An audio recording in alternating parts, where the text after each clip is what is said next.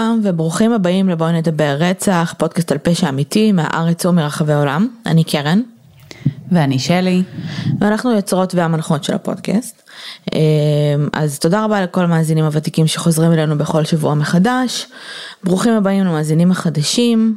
אה, אם הגעתם לפה במקרה, הגעתם לפודקאסט אה, על פשע אמיתי באווירת סלון קיזואלית, כשבעצם בכל פרק מישהי מאיתנו מביאה איזשהו קייס שהיא רוצה לדבר עליו, אה, וזה בגדול מה שאנחנו עושות. היום שלי מביאה את ה case, אה, וזהו, אין לנו משהו מיוחד להגיד אני מניחה, נכון?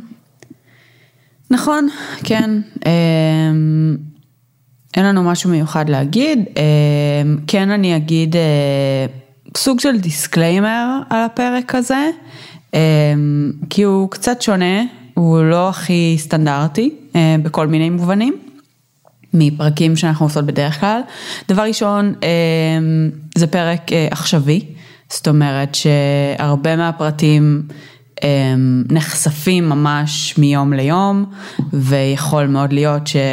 בהמשך נרצה לעשות אולי פרק אחר, פולו-אפ עם הפרטים בשלב אה, שבו הם יהיו, okay. אוקיי. אה, כי באמת המון המון משתנה כרגע ברמה יומיומית. אה, דבר שני, לא יהיה פרק, לא יהיה רצח בפרק הזה. אז כאילו אם מישהו מחפש את הדברים אם האלה. אם מישהו בא בשביל הרצח, לבוא נדבר רצח, כן. כמוני למשל. אז, אז לא היום. אוקיי. היום יש לנו אני אקספרימנטלית. זה, זה ישראלי? לא, זה לא ישראלי. Okay. אוקיי. אמ, אני יודעת שעצמך עמוק בפנים על זה שזה לא ישראלי. אה, ולמעשה זה, זה פרק, אה, עשינו כמה פרקים ב, ברוח הפרק הזה, בצורה כזו או אחרת. אה, פרק של הונאה בעצם. אה, אוקיי. בסדר, עשית כזה פריוויו, כאילו זה משהו שאין, כאילו, כי אנחנו מדברות לא. על דולפינים, כאילו, עשינו לא, לא, פרקים על הונאות, זה עדיין קשור לפשע אמיתי. עשינו פרקים על הונאות, פשוט פחות ממש ברמת הזמן אמת, אה, ולכן יש פה כן יותר דיסקליימרים, כי גם הנתונים שיש לי, חלקם משמועות, חלקם, זאת אומרת, הדברים הם מאוד מאוד unfolding כרגע, אה, אז... אז יש הרבה מאוד פרטים שבאמת כנראה יתגלו יותר בהמשך ונבין יותר את המורכבות הפלילית של הדבר הזה בהמשך, אבל כבר עכשיו יש באמת התחלה של טירוף, אז, אמ, אז זה שווה באמת אה, לדבר על זה וגם אה, אם באמת הפרטים הולכים להשתנות בהמשך. אז, אה, אז, אז זה הסיבה העיקרית ל disclaimer, אה, כשאמרתי לשבו שאני הולכת לעשות את ה case הזה, אז הוא כמעט ו... וגרם לי לא לעשות אותו בסוף. למה? אה, כי הוא באמת דיבר על זה שזה מאוד חריג ביחס לדברים שאנחנו עושים, יכול להיות שהוא ראה את זה כיותר חריג ממה שזה באמת, תגידי לי אחר כך אם את, אם את מסכימה איתו או לא. אוקיי, אז בעצם בואי נדבר על קצת מה קורה בימים האחרונים. אה, בעצם יש בימים האחרונים אה, מכה מאוד מאוד קשה בשוק הקריפטו. אה, מיליארדי דולרים בגדול עבדו לאנשים ולחברות שהשקיעו בעצם ב, בחברה מסוימת וכל זה בעצם, כל התוצאה של הירידה והמכה הזאת בשוק זה תוצאה של נפילה של חברה שנקראת FTX. אה, שזה פיוטר. אוקיי, לא מושג, אני לא, אני כן, ממש כן, לא בקיאה בשוק הקריפטו, אני לא מושקעת בשוק הקריפטו, אז לא היה לי מושג שיש כרגע דרמה, אוקיי. נכון, כן כן, זה בסדר שלא היה לך מושג, אבל יש דרמה רצינית, אה, והיא בסקייל גבוה. אה, עכשיו החברה הזאת בשם FTX היא חברה שכרגע חושדים בה בכך שבעצם היא סוג של ההונאה הפיננסית הגדולה ביותר מאז ברני מיידוף. באמת משהו בסקאלה מאוד מאוד גדולה, אה, ויש כרגע הערכות ראשוניות שהתחילו לצוף, שאולי אולי אולי 10% מהכספים שנש... שנלקחו או אה, בעצם אה, פעלו בתוך בעצם ה... החברה הזאת יוחזרו לבעליהם. זאת אומרת, המון המון אנשים שהשקיעו במטבעות של, FT, של FTX, מטבע ה-FTT, כנראה לא הולכים לראות את הכסף שלהם בחזרה, אה, ויש פה השלכות אה, רציניות על, אה, על המון אנשים וחברות, ופוטנציאלית גם על כלכלות, כי יש מדינות בעולם שבעצם הכלכלה שלהם מאוד לא יציבה, אז לשים נגיד את הכסף שלך בבנק שם זה משהו שאנשים לא כל כך עושים, אבל הם כן, יש להם גישה לאינטרנט, אז הם משתמשים בעצם במטבעות קריפטו כהבנק שלהם. ואז יש מצב שנפילה מהסוג הזה שיש כרגע הולכת מאוד מאוד להשפיע ממש על כלכלה של מדינות. אמ, אני לא מבינה בזה מספיק לעומק ואני בטוחה שהרבה דברים will unfold ובאמת אה, יתגלו יותר בימים הקרובים. נגיד בשתי אבל... מילים מי שלא יודע בכלל מה זה קריפטו.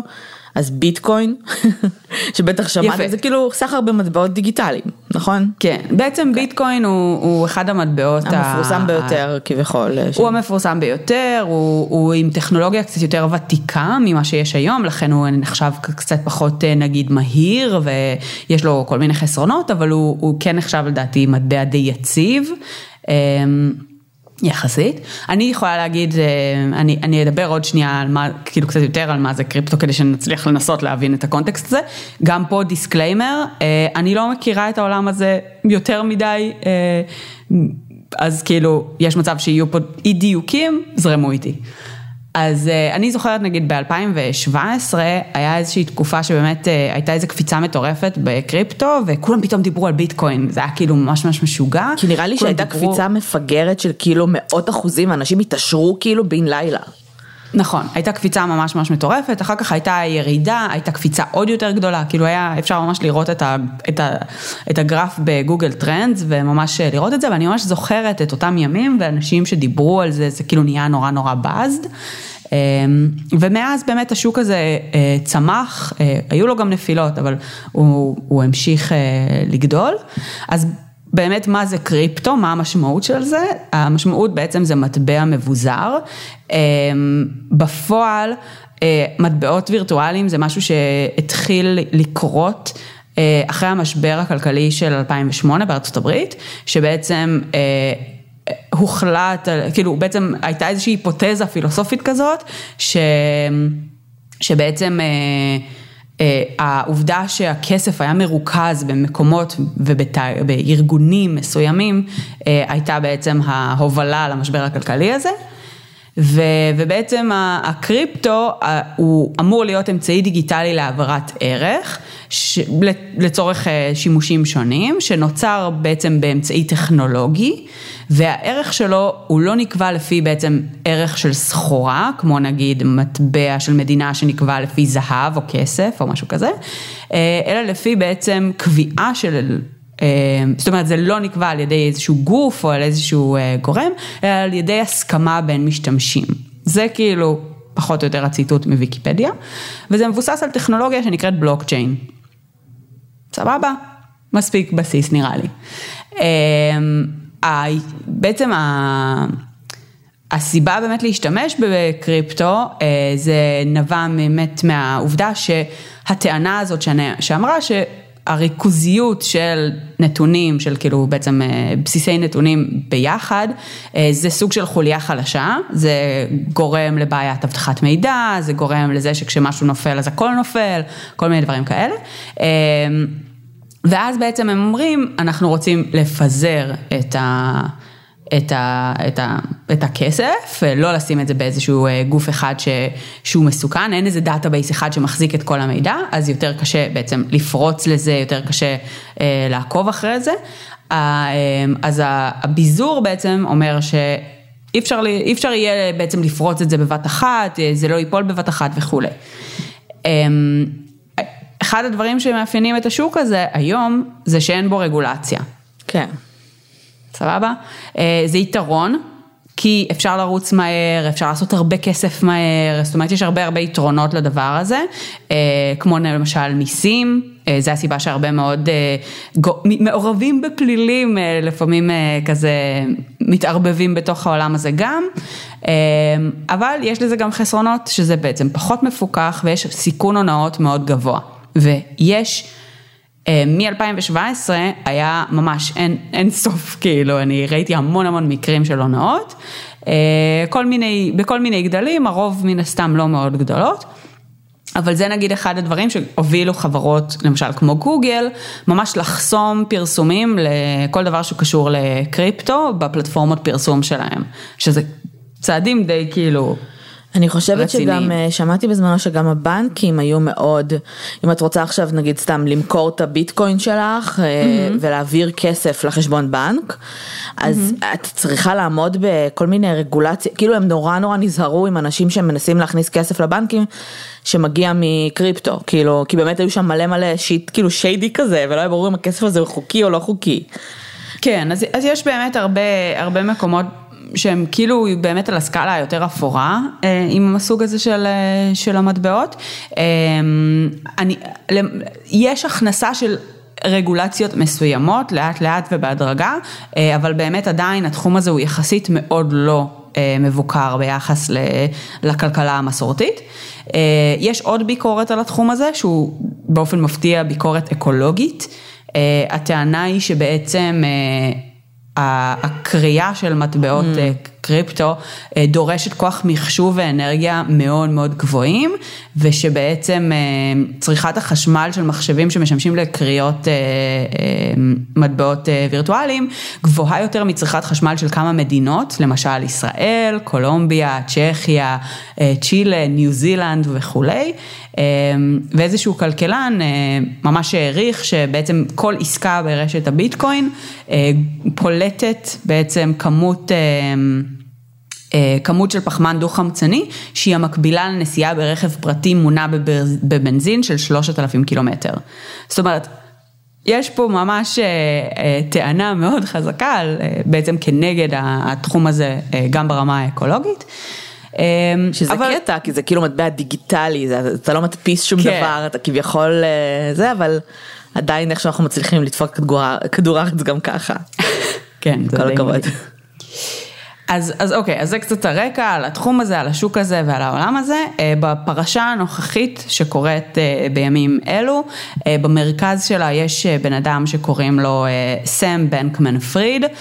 הוא ידוע בכינוי SBF, באופן כללי בעולם הזה מאיזושהי סיבה, כולם הולכים by initials, כן. אז כל הטוויטים וכל השיחות שלהם הרבה פעמים זה בראשי תיבות, לא ברור למה, הם כאילו, אבל מסתבר שזה כזה טרנדי בתוך השוק הזה. בשיא שלו, אה, בנקמן פריד היה שווה בערך 26 מיליארד דולר, כשבעצם לפני חודש, אוקטובר 2022, הוא הוערך בכ-10.5 מיליארד שווי נקי. בדיוק. פחות מחודש אחרי זה, אה, על פי מדד בלומברג שממש מונה כזה את האנשים העשירים בעולם ואיפה הם נמצאים על הסקאלה, אה, הוא בעצם נפל את הנפילה הגדולה ביותר שמישהו אי פעם נפל ביום אחד אה, בתולדות המדד שלהם, ו, אה, והיום הוא בעצם worthless פחות או יותר. באמת, ברמה כזאת אבל? פחות או יותר, אה, שוב, אנחנו עוד לא יודעים בדיוק איפה הדברים עומדים, כאילו אבל האנשים האלה, המיליארדרים, זה תמיד כזה, הוא שווה איקס כסף. עכשיו אנחנו אנשים נורמליים, במרכאות, אתה חושב אתה חושב שבן אדם שווה איקס כסף, אתה אומר, יש לו איקס כסף, אז לא, רוב הדברים האלה זה בעצם מניות ונכסים, וזה לא כסף נזיל ש... שכאילו, ברגע, שאתה, ברגע ששוק קורס או משהו קורה, כאילו זה נורא קל לאבד את כל הכסף שלך. אז כן, אני, אני מניחה שזה מאוד מאוד תלוי תעשייה, כן. ותלוי באמת איזה סוג נכסים אה, מהם השווי שלך מוערך. אבל במקרה שלו באמת, אה, זאת אומרת השווי שלו הוערך על סמך העובדה שהיה לו מניות בשתי חברות אה, שהיו מוערכות בשווי מאוד מאוד גבוה, וברגע שהשווי של החברות הזה צנח, אז גם השווי שלו מאוד מאוד צנח. אה, אני עדיין חושבת שיש, זאת אומרת שגם לאחר צניחת המניות האלה, היה לו כסף בבנק וכנראה שהרבה יותר מלי ולך, כן, אבל כן. מבחינת המדדים של אה, בלומברג זה כבר לא היה. הוא לא, הוא לא היה הומלס, הוא לא רעב ללחם, אל תדאגו, הוא בסדר כנראה. הוא עלול להיות, אוקיי. אבל אנחנו נגלה. אה, או שהוא עלול להיות בכלא, אבל גם זה את זה כבר אנחנו משהו נגלה. אחר, אוקיי. כן. בנקמן פריד היה מי שנחשב אה, בעצם סוג של האביר על הסוס הלבן של עולם הקריפטו. היה, אה, הוא מיתג את עצמו כפילנטרופ, אה, הוא שאף להפוך את העולם למקום טוב יותר, הוא בחור טבעוני, הוא נהג באיזה טויוטה קורולה, כאילו רכב פשוט ולא רכב פאר. הוא גר עם שותפים, וואי, אני חושבת שאו שמעתי עליו או קראתי עליו או משהו עליו. אוקיי. יכול מאוד להיות. והוא תרם מיליוני דולרים לדברים שהוא האמין בהם, כולל למפלגה הדמוקרטית, לג'ו ביידן, הוא היה התורם השני הכי גדול במערך הבחירות הקודם של ביידן. ו, ובעצם הוא דמות די מרכזית בכל הפרשה הזאת, ו, וזהו. אז בואי נדבר רגע קצת על הרקע שלו, אוקיי? הוא נולד ב-92, 1992. מה שהופך אותו להיום בן 30. ואני מאוד הופתעתי מהנתון, אני מאוד הופתעתי מהנתון הזה, אבל בסדר. ההורים שלו היו זוג מרצים בסטנפורד, הוא נולד בסטנפורד, הוא היה ילד שהיה מאוד מוכשר מתמטית, וב-2014 הוא סיים תואר בפיזיקה ומתמטיקה ב-MIT. שנה לפני שהוא סיים את התואר שלו, הוא התחיל לעבוד כמתמחה באיזושהי חברת מסחר. וב-2000, ובעצם הפך לעובד רגיל ומלא אחרי שהוא סיים את התואר שלו שם, הוא עבד שם כשלוש שנים, ב-2017 הוא עבד תקופה די קצרה בעמותה שנקראת בעצם המרכז לאלטרואיזם אפקטיבי, שבעצם היא מתמחה, המטרה שלה זה בעצם לקדם עשייה חיובית בעולם. שוב, האופי האלטרואיסטי שלו, הרצון שלו באמת לעשות טוב בעולם, מאוד מאוד דומיננטי ובא איתו לאורך העולם. הוא אמר שהוא... ובכן, kids are the future. כן. כן. הוא לאורך השנים אמר שהוא מתכוון לתרום את הרוב הגדול של ההון שלו לעמותות צדקה אפקטיביות במהלך החיים שלו, והוא כל הזמן באמת דיבר על הניסיון הזה לעשות טוב בעולם. בנובמבר 2017 הוא הקים חברה בשם אלמידה ריסרצ'. זו החברה הראשונה מבין שתי החברות שאנחנו הולכות לדבר עליהן קצת יותר. זו הייתה חברה למסחר כמותית והוא ניצל את ה... מה שהוא עשה בעצם זה שביטקוין באותו זמן היה במחיר מאוד נמוך בארצות הברית ומאוד גבוה ביפן. אז הוא קנה בארצות הברית ומכר ביפן ועשה רווח. פשוט. חכם. גם פה, בזכות העובדה שזה לא היה באיזושהי רגולציה, הוא ניצל איזושהי פרצה בשוק, עשה הרבה מאוד כסף. ברמה של עד ינואר 2018, הוא היה מזיז משהו כמו 25 מיליון דולר ביום. זאת אומרת, היה רווחים מטורפים. ואז בעצם... זה נשמע קצת כאילו... הוא היה קונה בארצות הברית במה? כאילו בשוק בארצות הברית, בפלטפורמות לסחר בארצות הברית ומוכר כן, בפלטפורמות סחר ביפן? זה, זה, זה שוב מרגיש כמו משחק על האפור קצת. נכון. כאילו זה בעיה של, של, של העולם, שזה מה שקרה, אבל כאילו... כן. אוקיי. אין רגולציה, זה מותר, פה זה יקר, שם זה זול, כאילו ככה מנצלים בעצם... זה קטע. עכשיו, אוקיי. זה לא שונה מ, את יודעת, לייצר במדינת עולם שלישית שבה זול לייצר, נכון. ואז לקחת ולמכור את זה במדינת עולם ראשון שבה מוכרים ביקר. זאת אומרת, בסופו של דבר ככה כלכלה הרבה פעמים כן עובדת בצורות מסוימות, אבל בעצם פה הוא, הוא כן, זאת אומרת, ניצל את זה יחסית בצורה מאוד מאוד פשוטה. Uh-huh. אפריל 2019 הוא מקים את החברה השנייה, FTX, שהיא בעצם החברה במרכז של הפרשה הנוכחית, שהיא הייתה בעצם בורסה למטבעות וירטואליים, בעצם מקום שבו אתה יכול לסחור במטבעות וירטואליים. ובעצם לאורך הזמן הוא, הוא נהיה מאוד מאוד פעיל עם כל מיני גורמים רגולטוריים בארצות הברית, הוא הסתחבק עם פוליטיקאים ואנשים בכירים בממשלה, הוא, הוא אפילו דיבר מול הסנאט על כל מיני אלמנטים של רגולציה שהוא ניסה לקדם עבור עולם המטבעות הווירטואליים. במטרה באמת, זאת אומרת, להפוך את התחום לכן ברמה מסוימת מפוקח, אבל על פי באמת גם האלמנטים שהוא דחף אליהם וכיוון אליהם. הוא היה נחשב, באופן כללי FTX נחשבה כחברת מסחר יחסית שמרנית. זאת אומרת, בגלל העובדה שהוא דחף רגולציה וכל מיני כאלה, זה נחשב משהו שהוא כאילו קצת פחות על הצד האנרכיסטי, קצת יותר באמת על הצד השמרני, כאילו האיטי, המחושב, בוא נגיד ככה. למרות שבעצם הוא כיזם מאוד נתפס כ risk taker וכסוג של כזה גאון אה, מטורף. אה, מספרים בעצם שבשיחה עם משקיעים מסקויה, הוא ישב ושיחק כאילו League of Legends תוך כדי השיחה איתם, אה, כאילו אלמנטים כאלה. שהם... של דור ה... דור ה... כן. כאילו כן.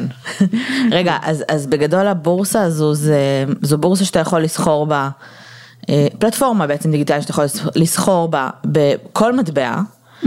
והיה להם גם מטבע משלהם בעצם שהם פיתחו. נכון. Okay. אוקיי. אה, כשבעצם אני לא יודעת אם זה בכל מטבע, אבל בשלל מטבעות, ו... וכן, והיה להם בעצם מטבע משלהם גם. עד 2022 החברה נהייתה שלישית בגודלה בשוק הזה, זאת אומרת מבחינת חברות מסחר היא נהייתה באמת מאוד מאוד גדולה, מאוד משמעותית, היו לה בשלב הזה 300 עובדים אה, ובעצם אה, בדיווחי ה-revenues של 2021 היא דיווחה שהיא הכניסה מעל מיליארד דולר, אה, זה מספר מאוד מרשים, בהתחשב בזה שבעצם המתחרות שלה השתיים הגדולות יותר, היו פי עשרים יותר גדולות, מבחינת כאילו גודל חברה וכמות האנשים שישבו על זה וכולי, אה, והכניסה ממש קצת יותר בהכנסות. זאת אומרת, הם היו ממש ממש בזנב של ענקיות הרבה יותר גדולות מהן. אה, וזה כמובן גרם לזה שקרנות השקעות מאוד התרשמו מהעשייה שלהם ומאוד פחדו לפספס את ההשקעה המאוד גדולה בחברה מהסוג הזה. אה, אז חברות כמו סקויה שכבר אה, אה, אמרתי קודם, וסופטבנק שגם השקיע בווי וורק והם מסכנים, לא הולך להם. וואי, איזה החלטות גרועות. אבל בעצם הרבה חברות השקעות באמת השקיעו בהם מיליארדי דולרים על סמך השווי חברה משוער של 32 מיליארד דולר בתחילת 2022, זאת אומרת ממש לא מזמן. אה, וזה הגדיר אותם, בעצם זה מיצב אותם כאחת החברות שבעצם גדלו הכי מהר בהיסטוריה. אה, ממש כאילו היו במקום מטורף, הם היו על גבול האימפריה. וההשקעות האלה, בגלל שאותן חברות כל כך רצו להיכנס לשם, ו, אה, והיה להם כזה FOMO נורא רציני מלפספס את זה, הם עשו עסקאות לא כל כך חכמות עם, עם בעצם החברה, כי לרוב כש, כשבעצם אה, איזושהי קרן אה, הון סיכון משקיעה בחברה מסוימת, יש לה בדרך כלל כל מיני תנאים של disclosure של כספים, של להכניס מישהו ל board, כל מיני אה, בעצם התניות כאלה, שבעצם בגלל הסטטוס הנורא נורא חזק של FTX, רוב חברות ההשקעות, אם לא כולן, בעצם לא דרשו את זה. ובגלל שכל אחת הסתמכה על זה שענקית אחרת נתנה פה השקעה, כולם אמרו, אוקיי, הם כבר עשו את הבדק בית, אני אסמוך עליהם, אני לא רוצה לפספס את הרכבת, ובאמת אה, אה, השקיעו סכומים מטורפים אה, בחברה שאף אחד לא בודק, בסוף. כן. אז היה להם באמת אה, הרים של כסף, אה, ובשלב הזה הם גם החליטו לשפוך לא מעט מהכסף הזה על marketing. אז הם עשו מלא פרסומות עם הסלבס ב Super Bowl, והיה ממש ברמה מטורפת, כאילו לארי דיוויד ו, אה, וכל מיני כאילו דמויות מרכזיות ומאוד מוכרות ב popular culture, אה, היו בפרסומות שלהם. ואפילו האיצטדיון של המיאמי היט, של הקבוצה, אה, הפך להיות האיצטדיון על, על שמם, על שם FTX, כמו היכל נוקיה, אז בעצם אה, FTX ארינה. אה, ממש כאילו מיתגו את עצמם כ, כחברה מאוד יציבה, מאוד, מאוד חזקה.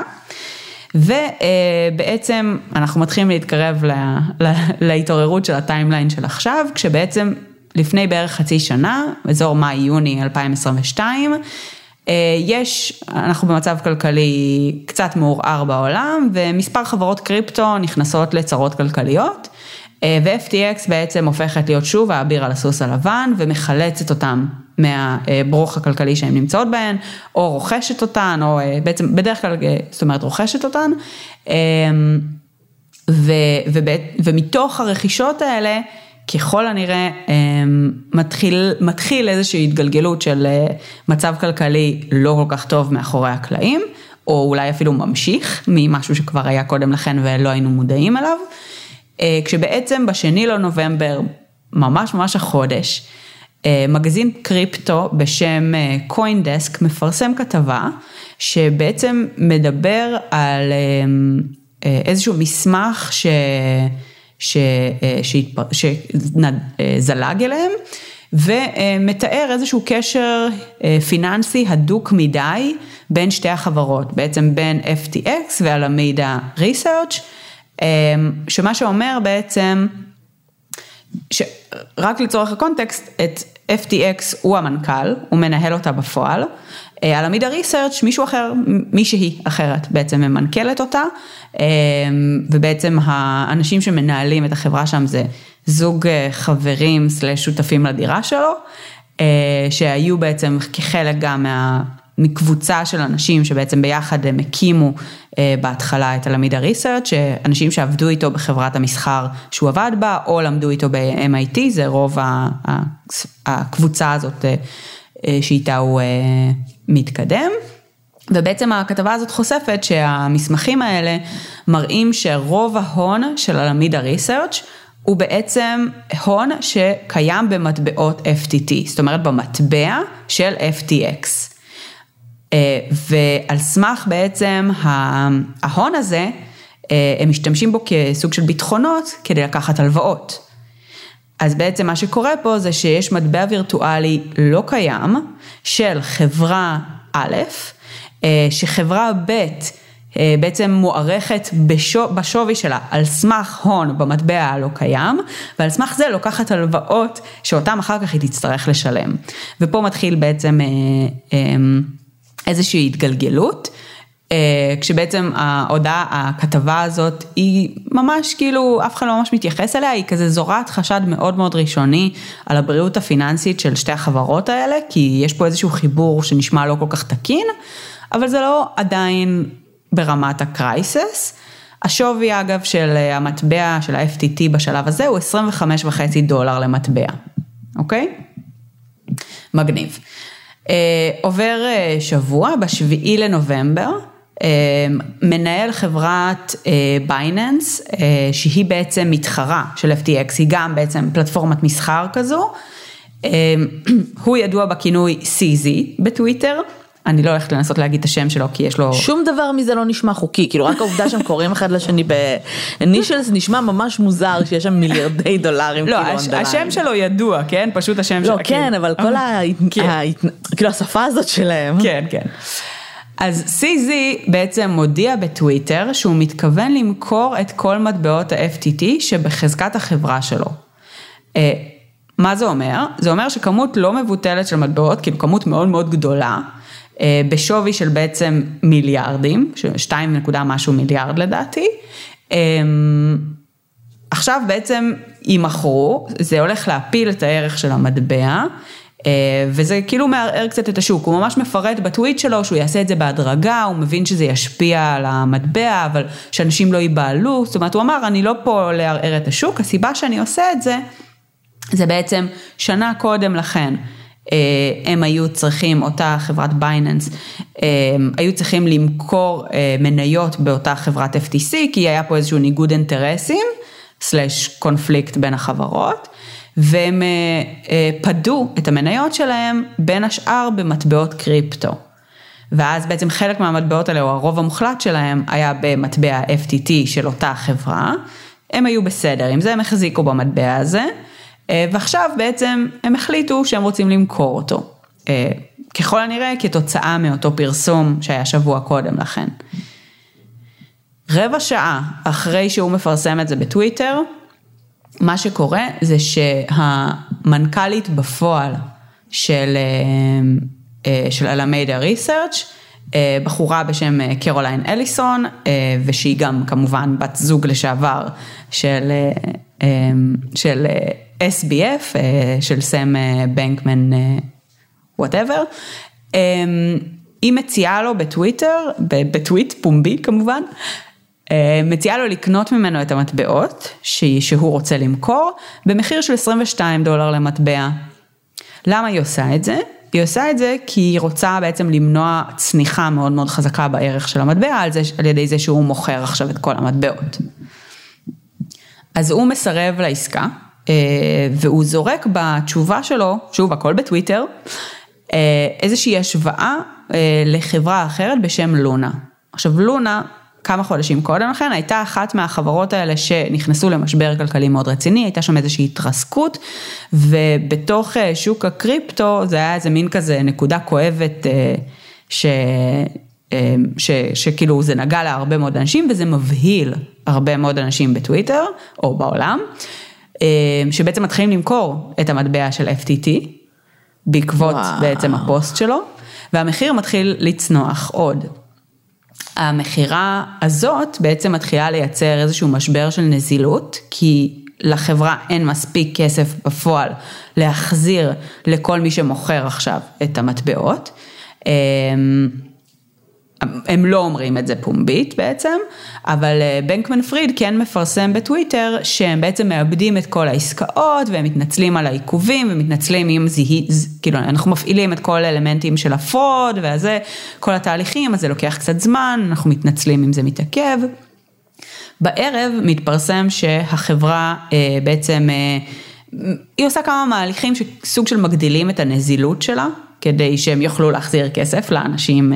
שמבקשים את הכסף שלהם, אה, והם מפרסמים את זה כדי לנסות להפחית בהיסטריה, אה, ובעצם לגרום לאנשים להפסיק למכור את המטבע, זה לא כל כך עוזר.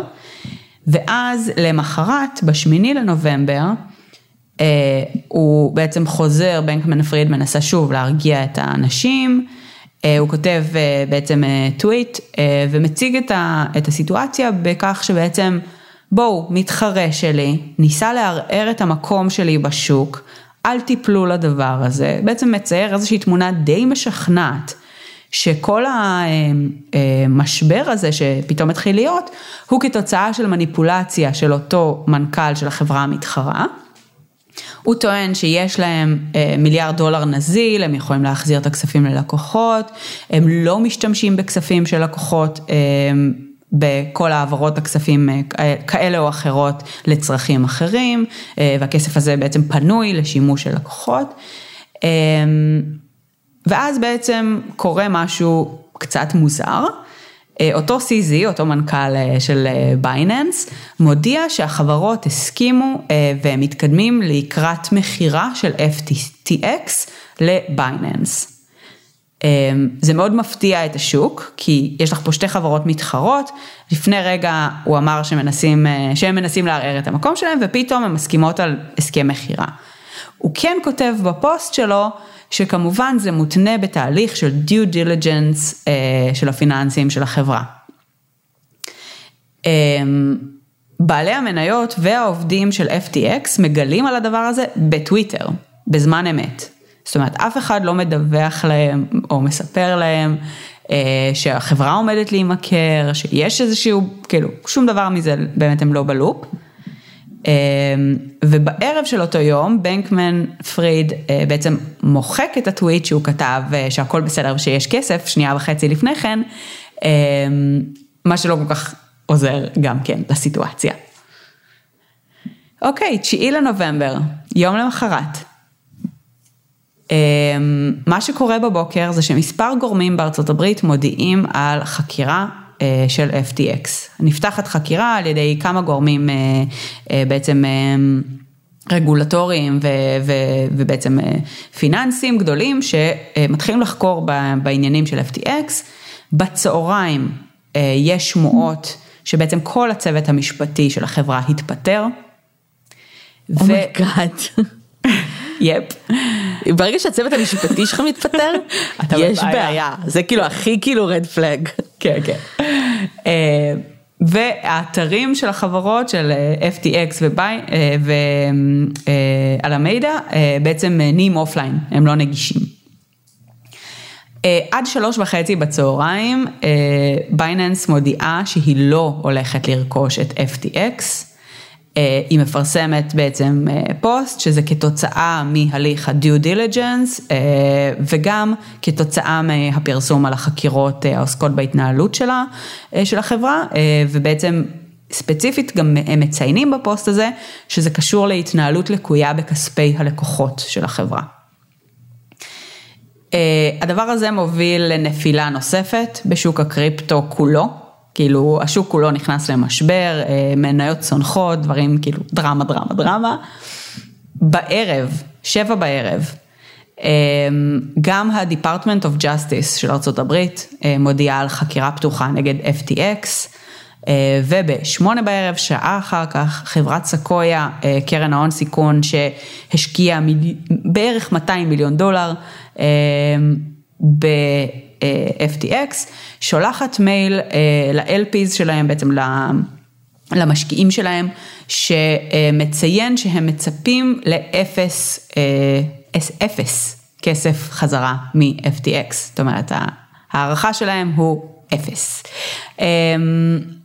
אנשים מתחילים להבין שהמצב כנראה לא ניתן להצלה, אנחנו בסיטואציה בעייתית, כי אם סקויה באו ואמרו, אנחנו כאילו לא מאמינים שאפשר להציל את המצב הזה, הם כנראה יודעים על מה הם מדברים. אוקיי, הגענו לעשירי לנובמבר. סם בנקמן פריד מודיע על סגירתה של אלמידה ריסרצ' אבל הוא טוען ש-FTX US, זאת אומרת החלק של ארה"ב, הוא, הוא ממש בסדר, הכל בסדר, אל תדאגו.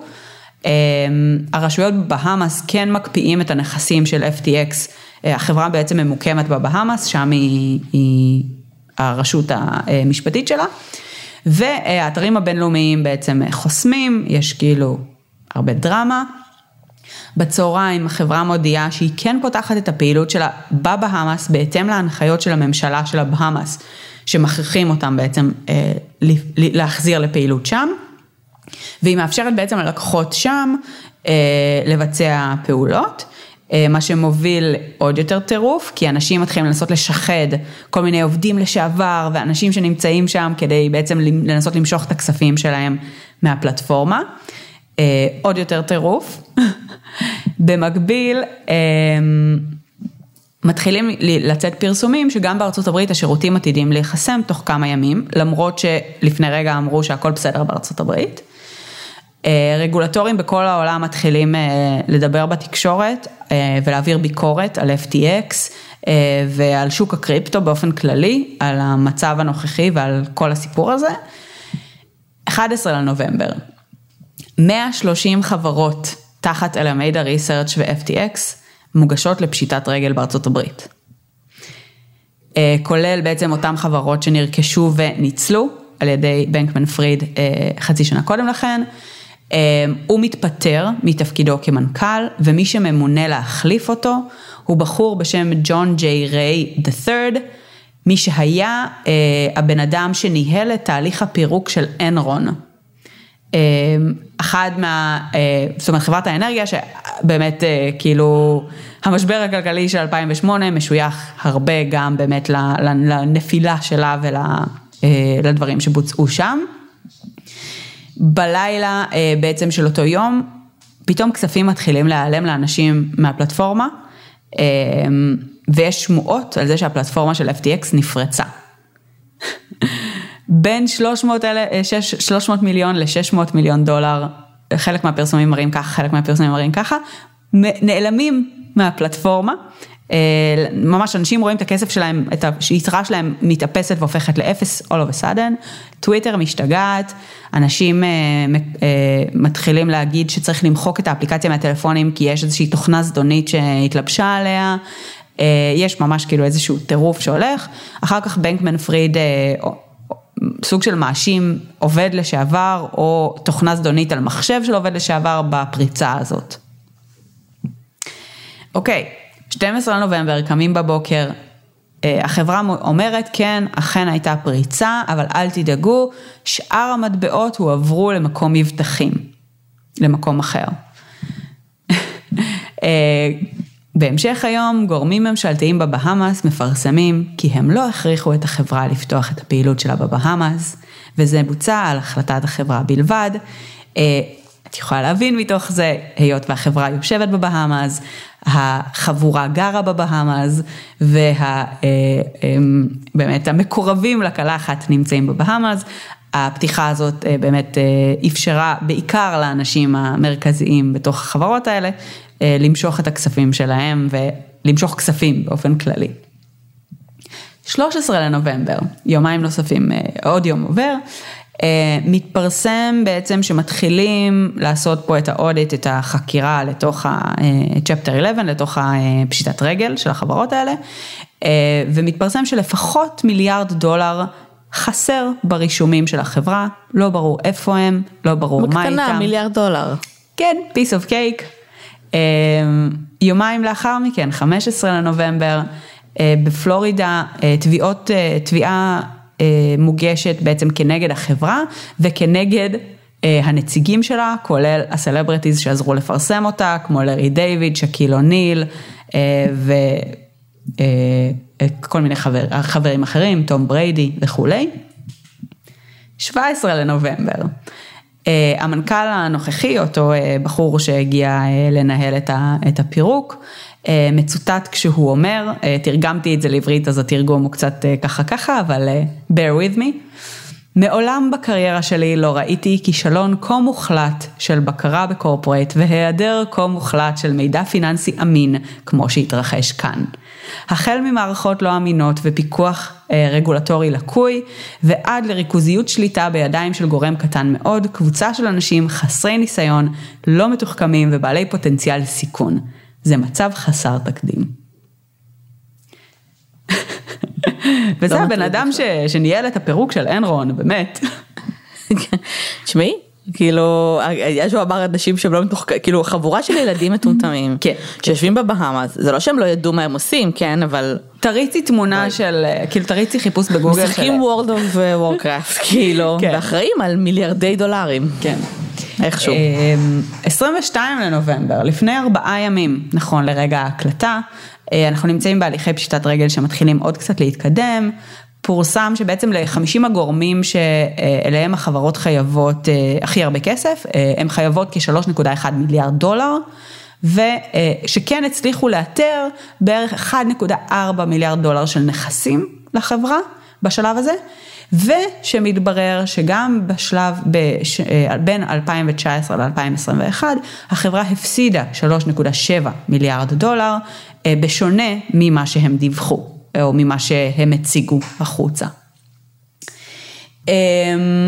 זה, זאת אומרת, יכול להיות שהיה עוד איזה שהם עדכונים בימים האחרונים, אני כבר מתקשה לעמוד בקצב, אז כאילו, זה פחות או יותר הסטטוס שבו אנחנו נמצאים כרגע.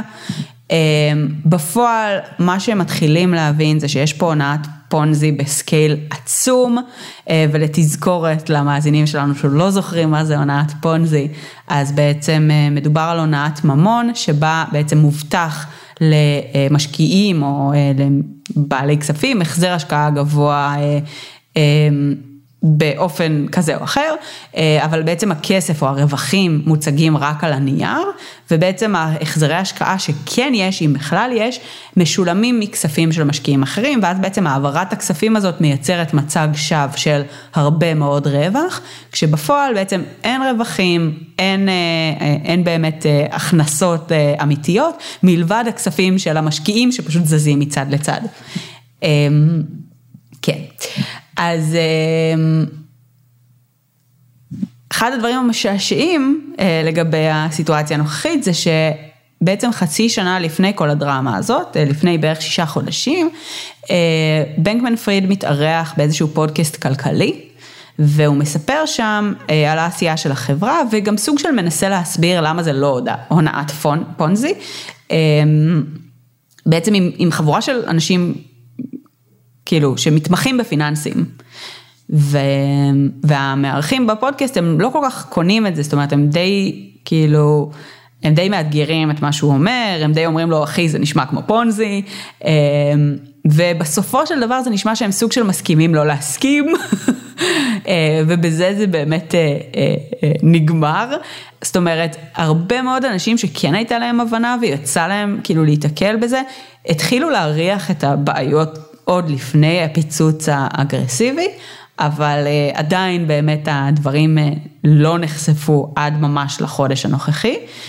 יש עדיין הרבה שאלות פתוחות, גם בהקשרים הפיננסיים, אבל גם בהקשרים של סמכות שיפוטית, כי בעצם החברה רשומה בבהאמאז, אבל נסחרה בעצם גם בארצות הברית וגם בעולם, והחברות שהשקיעו וה celebrities שייצגו, יש המון המון באמת שאלות פתוחות, יש שאלות פתוחות לגבי אחריות משפטית, גם של בנקמן פריד, גם של קרוליין אליסון ושאר האנשים המרכזיים שם, קרוליין אליסון למשל, היא כאילו אה, סוג של הודתה אה, באיזשהו שלב, בטעות, בטוויטר, או איפשהו, על זה שהם כאילו משתמשים בכספים של לקוחות. שהפסיקו, כן, לעדכן פוסטים בטוויטר, כאילו. אה, נראה לי שהם כרגע הפסיקו, כי הם, מישהו סוף סוף אמר להם שהם קוברים את עצמם, אבל היא כאילו סוג של הודתה בזה, אממה, היא אמנם הייתה ה-CEO של החברה, אבל ברגע שהתחילו להיכנס לנתונים, ראו שבעצם בנקמן פריד הוא הבעלים של 90% מהמניות, 10% נוספים הם של בן אדם אחר, וכאילו לה אין שום, אה, כאילו, איזה say כבר יש לך כשבעצם 90% מבעל המניות בחברה הוא, אה, הוא הבן אדם הזה שהוא הבעלים של החברה השנייה. אז יש פה הרבה מאוד אה, מורכבויות שעדיין לא לגמרי ברורות מבחינת ה... הנושא המשפטי של הדבר הזה ואיפה אפשר לשפוט ומה אפשר לשפוט בכלל. אה, אבל ללא ספק יש פה ככל, את מה שמסתמן כמקרה הונאה ענק, הונאת פונזי עצומה,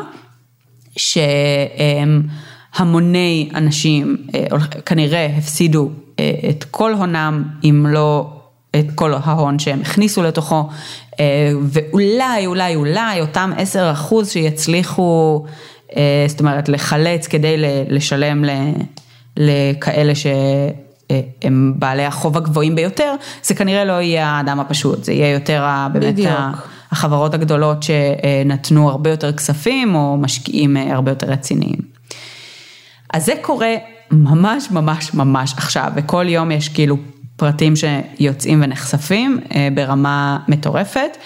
זה סוג של, יש מלא מקומות שכבר משווים את זה לטראנוס, וזה די מצחיק, בהתחשב בעובדה שטראנוס בדיוק, שבפרק הקודם דיברנו על על זה שהיא באמת הורשעה. אה, שילמה ובגדול, כן. קיבלה 11 שנה בכלא, אז על סמך זה מניחים שאם בנקמן פריד הולך להישפט בארצות הברית, הוא באמת יקבל כלא כנראה. אמ, אבל בגלל שהם לא יודעים איפה הולך להישפט ועל פי איזה סט חוקים בכלל, לא ברור בכלל כרגע מה תהיה ההשלכה הפלילית של כל ההונאה הזאת.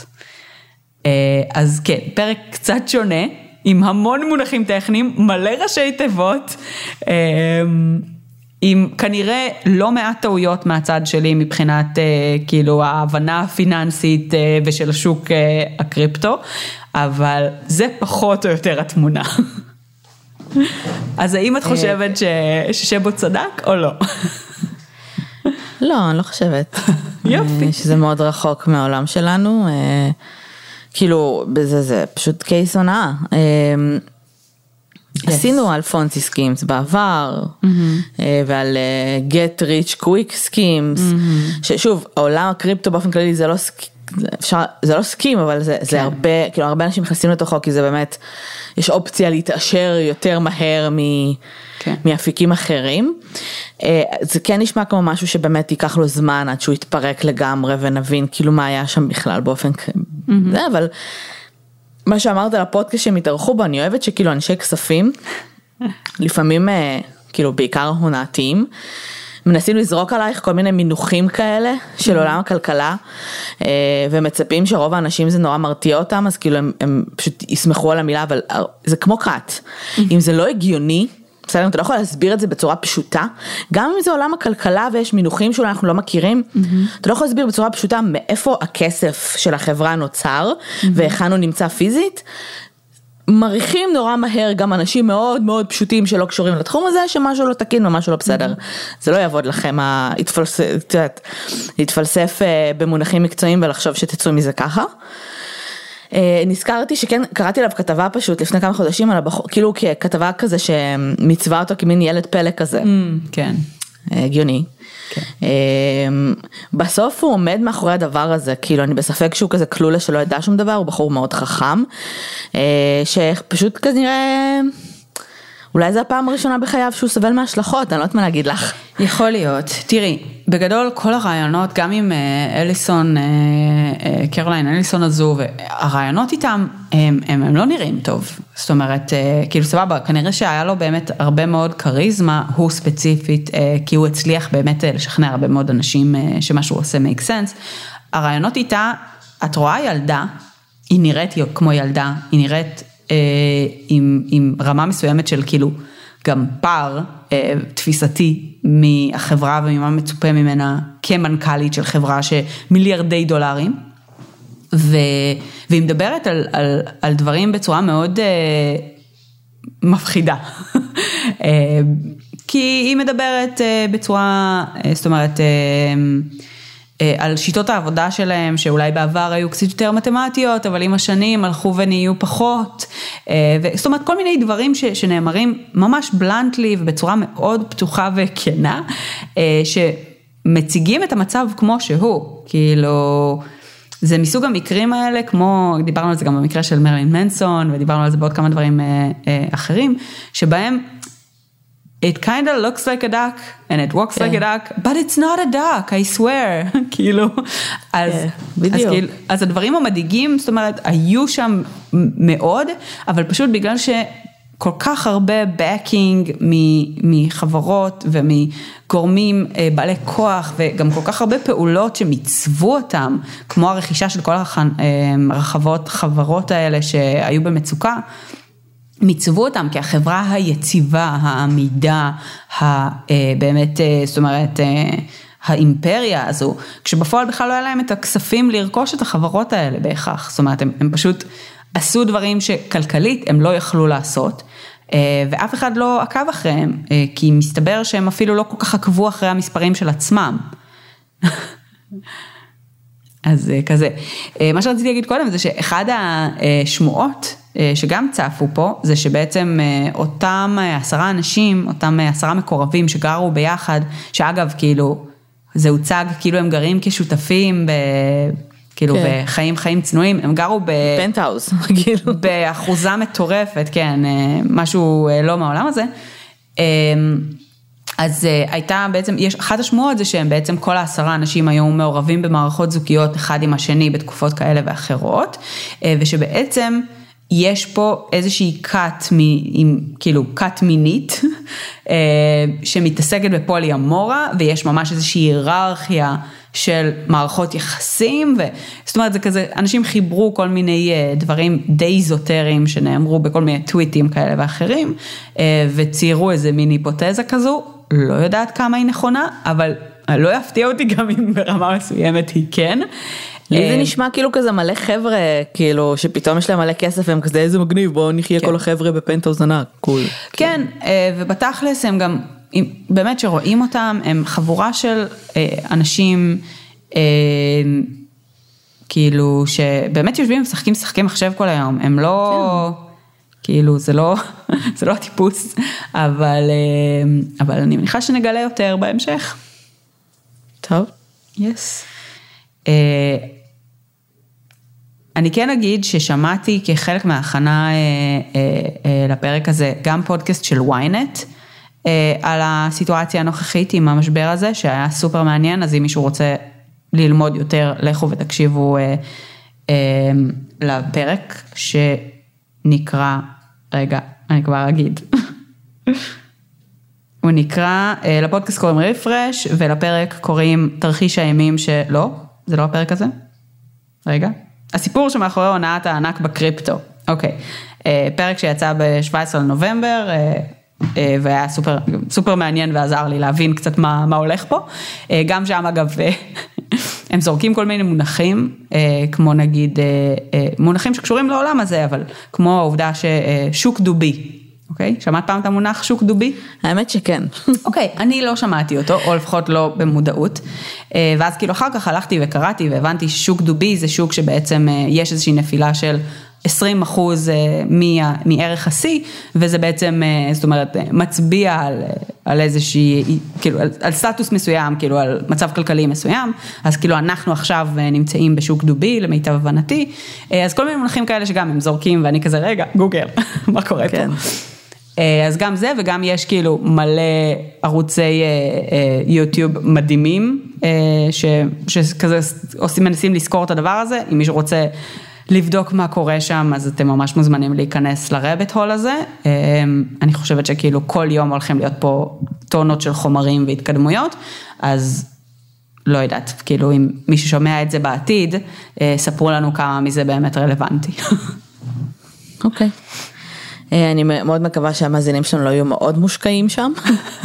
אה, אבל אם ולא- כן, תספרו לנו. כן, ועוד מה שרציתי להגיד זה שכאילו עכשיו יש גם בהלה מאוד גדולה מקריפטו באופן כללי, כן. בעקבות הדבר הזה. אולי זה הזמן לקנות. א', חד משמעית, אבל. תקנו במקומות שהם הכי מפוקחים. ויש כאילו כל מיני מתודולוגיות, אני לא, לא, לא שאני מבינה יותר מדי בקריפטו, אבל מהמעט שכבר קראתי, יש מתודולוגיות שבהם אתה מפחית את הסיכון לדברים מהסוג הזה, אה, תעשו את זה, כאילו תשתמשו ב...